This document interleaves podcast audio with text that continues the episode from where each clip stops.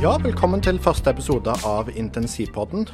En podkast for de som er interessert i intensivsykepleie og intensivmedisin. Men eh, vi får jo starte denne podkasten med å introdusere oss sjøl. Så Nina, eh, hvem er du, og hvorfor er du her? Jeg heter Nina Nysveen, og jeg er utdannet intensivsykepleier. Og jeg er leder for generell intensiv på Ullevål i Oslo universitetssykehus. På min seksjon så er vi ca. 100 intensivsykepleiere. Og vårt hovedansvar det er kirurgiske traumer som trafikkulykker, arbeidsulykker, selvskading, knivskader, skuddskader. Og eh, så har vi også en del komplikasjoner etter elektive inngrep. Altså, det er de dårligste pasientene som trenger respiratorstøtte og veldig ofte dialysebehandling.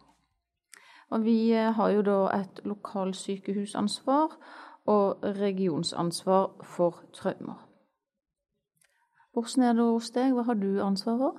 Ja, jeg er jo akkurat som deg, Nina, en intensivsykepleier. Og så er jeg seksjonsleder for generell intensiv 1 på Rikshospitalet. Eh, vi har også en seksjon ca. like stor som din seksjon, Nina, med ca. 100 intensivsykepleiere. Eh, vi har litt andre pasienter. Vi har pasienter med hjertestans, nevrokirurgiske pasienter, pasienter som trenger organtransplantasjon. Og så har vi et ECMO-tilbud til de aller dårligste respirasjonssviktene. Passer jo veldig bra da, Nina, at vi er to stykker, en fra Ullevål og en fra Rikshospitalet, sånn at eh, balansen i universet opprettholdes. ja, det kan du si. Men vi greier jo å holde bra dialog over ringveien, da. Vi gjør det. Vi gjør det. Ja. ja, og så utenom oss, da, så er det jo, må vi ikke glemme alle de andre. Det er jo, Vi er en del av et større fellesskap. Vi mm. er eh, ti seksjoner til sammen. Mm. Eh, fire postoperative seksjoner. En på Riksen, en på Ullevål, en på Aker og en på Radiumhospitalet. Og på Ullevål så har vi en egen nevrointensivseksjon. Eh, vi har to barneintensivseksjoner, én på Rikshospitalet og én på Ullevål. Og så har også Rikshospitalet en generell intensiv til, så heter generell intensiv to.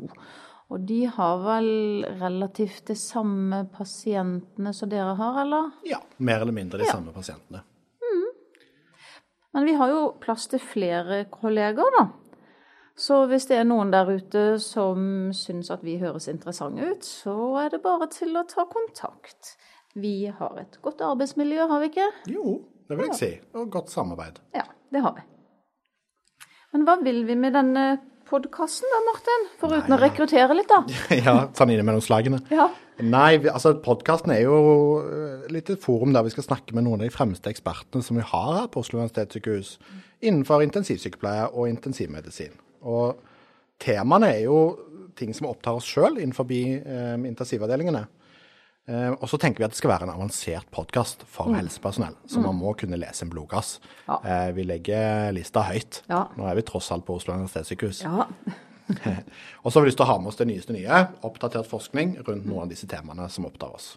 Kanskje ta intervjue noen forskere òg, da? Ja, det er en god idé. Mm. Vi har jo planlagt denne podden en god stund da, Martin. Faktisk flere måneder. Men vi fikk en treg start pga. covid-19, eller korona som de fleste kaller det. Eh, vi fikk litt annet å gjøre da, Martin? Ja, det ble travle, travle dager ja. på, på, alle intensivene, egentlig. Ja. Um, og det er jo liksom det vi har lyst til å trekke opp i de første temaene med denne podkasten her òg. Hvordan uh, sykehusene og intensivavdelingene takler korona. Mm. Um, når det kom en uh, stor pandemi, hvordan, hvordan, går det med intensivavdelingene da, og hva har vi gjort? Ja, så jeg tror det blir jo... noen spennende podkaster etter hvert med folk fra sykehuset som skal snakke litt om korona. Mm. Det ble jo lagd flere kohorter ja. på sykehusene. På Ullevål så var det to, og på Rikshospitalet var det også to. Ja, stemmer mm. det. To kohorter. Altså det vil si at vi gjorde om uh, intensivavdelinger om til egne uh, koronaintensivavdelinger, og mm. skjermet de andre pasientene. Så der skal vi få en uh, to sjefer seinere som skal snakke litt om hvordan man lager intensivkohort. Og i, allerede i neste episode så skal vi snakke med intervjue noen intensivleger og snakke om behandlingen til eh, koronapasientene. Det tror jeg blir spennende. Mm, høres bra ut. Men da har vi korona i neste episode, og videre så har vi tenkt å ta opp traumer. Temaene traumer, sepsis, avsluttende behandling, mageleie, hodeskade, pårørende i krise, debrifing og kollegastøtte, annet. Debrifing og spesielt kollegastøtte har jo vært veldig viktig de siste to månedene, da, når mm -hmm. vi mhm. har eh, drevet med det vi har drevet med. Ja, det har det absolutt. Mm. Eh, og så gjelder det å finne fram de ekspertene vi har på sykehuset på disse temaene her, og der har vi mange av. Ja, vi har veldig mange. Ja. Det har det vist seg. Men uh, dette her med å lage en sånn intensivpod, uh, Martin, det er jo veldig omfattende, da. Ja, det, det, det er jo litt jobb. Det må man innrømme.